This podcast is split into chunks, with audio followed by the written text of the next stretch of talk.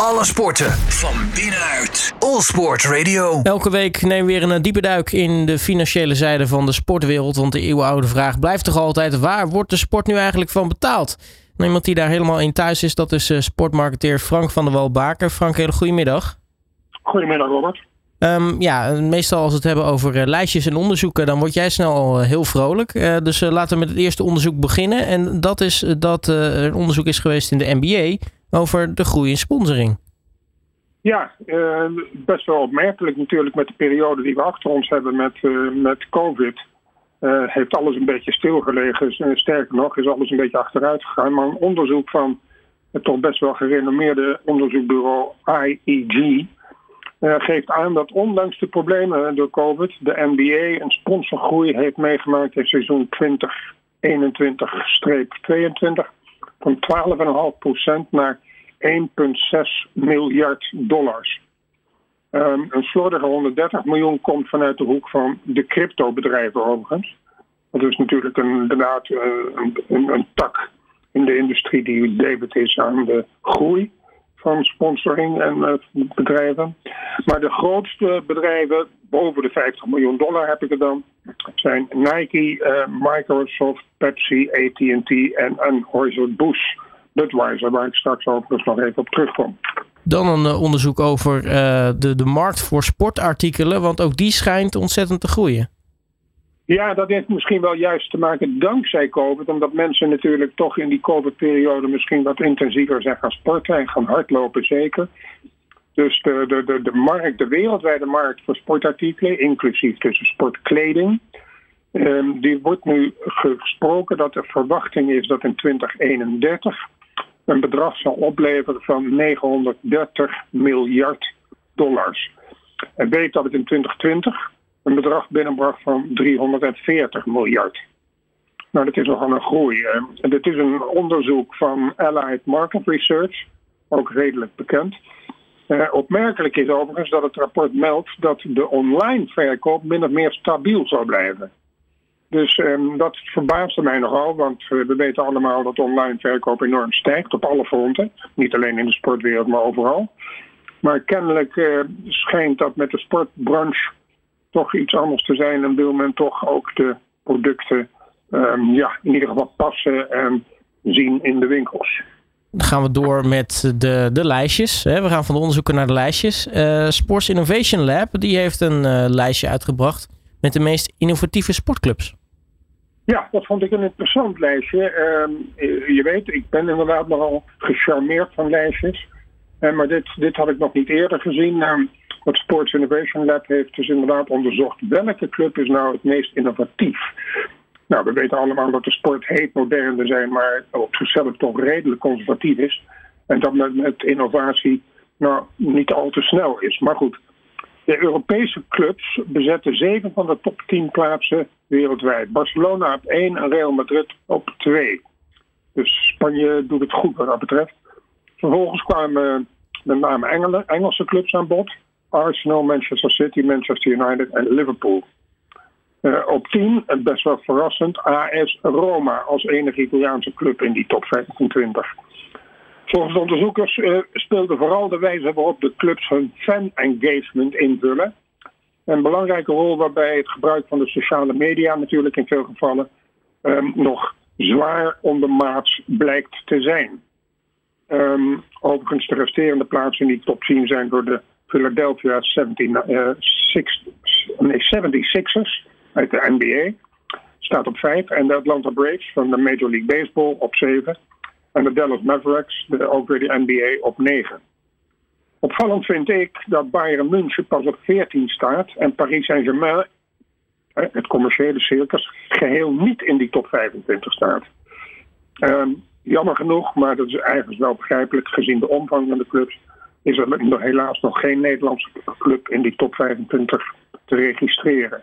Uh, maar wat mij het meest opvalt, toch wel uit dit onderzoek, of deze lijstjes, uh, is dat uh, de sociale media, waarin toch iedereen wel van overtuigd is, als je wilt ja, communiceren met je doelgroepen, bijzonder belangrijk is. En dat die bij de voetbalclubs toch nog um, blijken te zijn onderschat, of in ieder geval te worden verwaarloosd. En daar is dus nog veel terrein te winnen.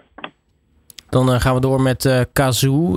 natuurlijk de inmiddels toch wel bekende shirtsponsor van niet alleen Aston Villa, maar ook Everton.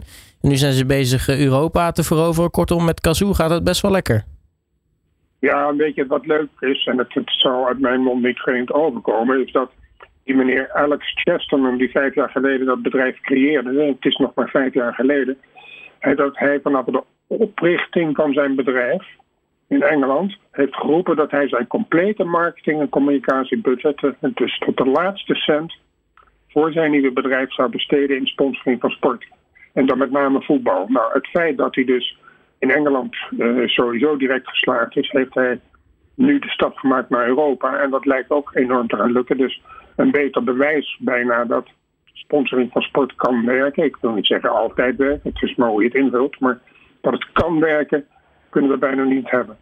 Um, mits natuurlijk goed ingevuld, zoals ik net al zei. Maar na eerst in Engeland gescoord hebben met de shirt van Aston Villa en Everton, zoals je al zei, Robert, maakte hij op de basis van die succes in Engeland overstap naar Europa. En hij kocht intussen de shirts van Valencia, Real Sociedad, beide in Spanje, Freiburg in Duitsland, Olympique Marseille, Lille en nu ook Bologna in Italië.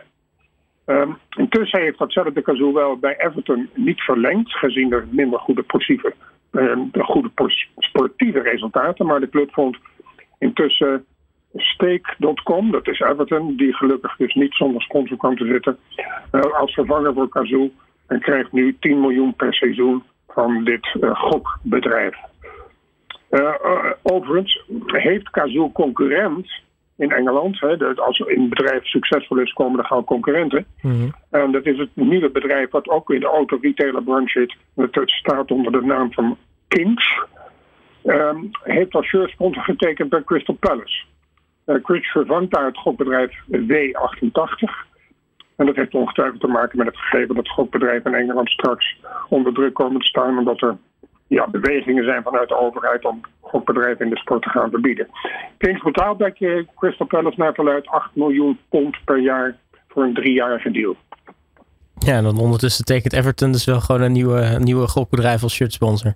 Ja, het is inderdaad eh, de een verlaat en de andere komt ja, zolang er nog geen echte afspraken zijn, uh, zullen we dat blijven zien. En zeker in Engeland, waar natuurlijk een gokcultuur heerst. En waar meer dan de helft van de clubs in de Premier League worden gesponsord door uh, gokbedrijven. En ik geloof dat het per jaar iets van uh, enkele honderden miljoenen is wat er uit de gokbusiness naar de Premier League clubs gaat.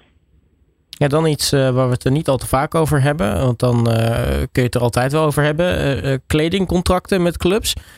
Opvallendheidje is wel dat AC Milan, nou, misschien niet opvallend, het contract met Puma heeft verlengd. Maar ze krijgen er twee keer zoveel geld voor. Ja, um, het is inderdaad dat je terecht zegt. Uh, als je de kledingdeals in de, in de sport gaat melden, dan ben je elke dag wel enkele uren kwijt. Maar ja, hier wil ik toch wel een uitzondering aan. Inderdaad, AC Milan, nog niet de eerste de beste club, uh, heeft al lange, lange tijd een, een deal met Puma. Die is nu verlengd voor minimaal vijf jaar. De overeenkomst houdt ook in de vrouwenafdeling en de jeugd. Dus het is echt uh, helemaal door de hele club. En het bedrag is inderdaad een exacte verdubbeling van de 15 miljoen die ze kregen tot op heden naar 30 miljoen.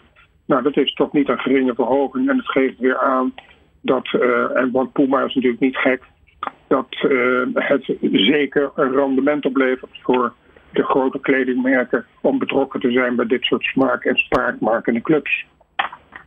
Dan tot slot wat, uh, wat korter nieuws. Uh, beginnen we met toch een, uh, een, een, interessant aantal Europese topclubs. Dat blijkt in private handen te zijn.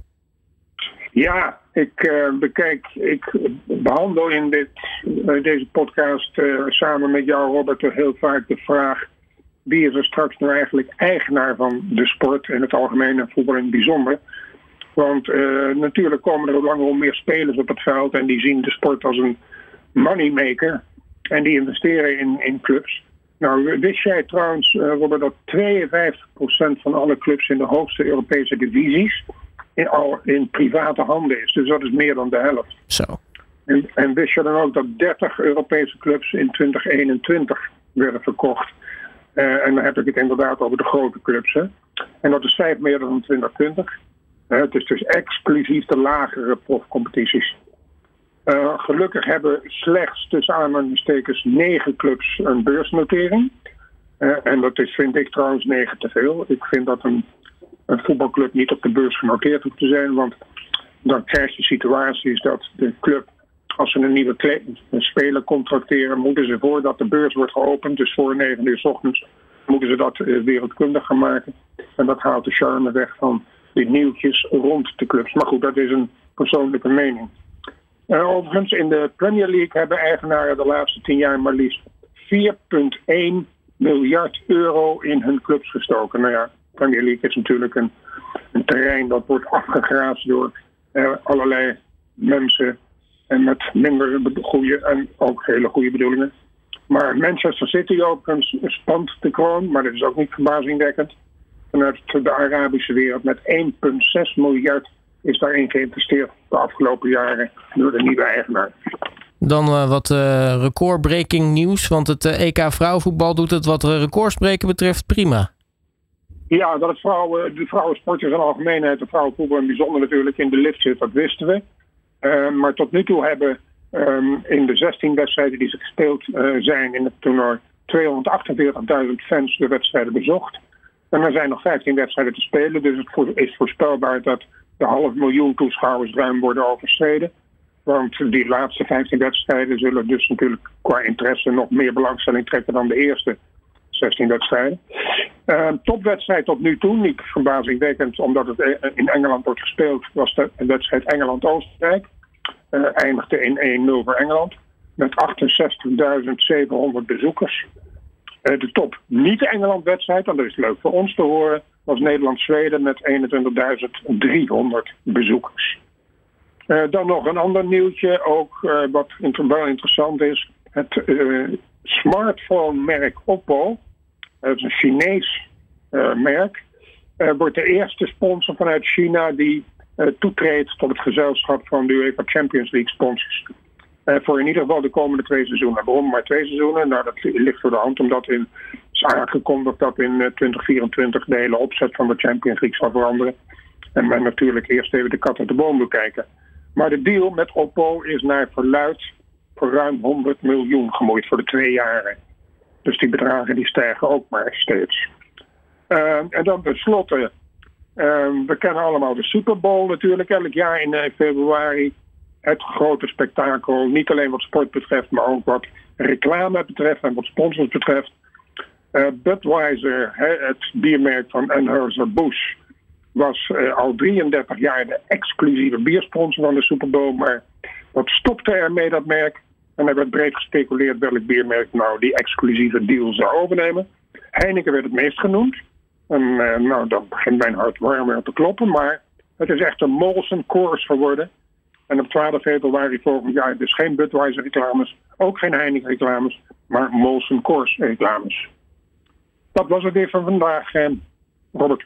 Nou, Frank, eh, mag ik je hartelijk danken voor het uh, verzamelen natuurlijk van al het laatste nieuws. En we spreken je natuurlijk snel weer.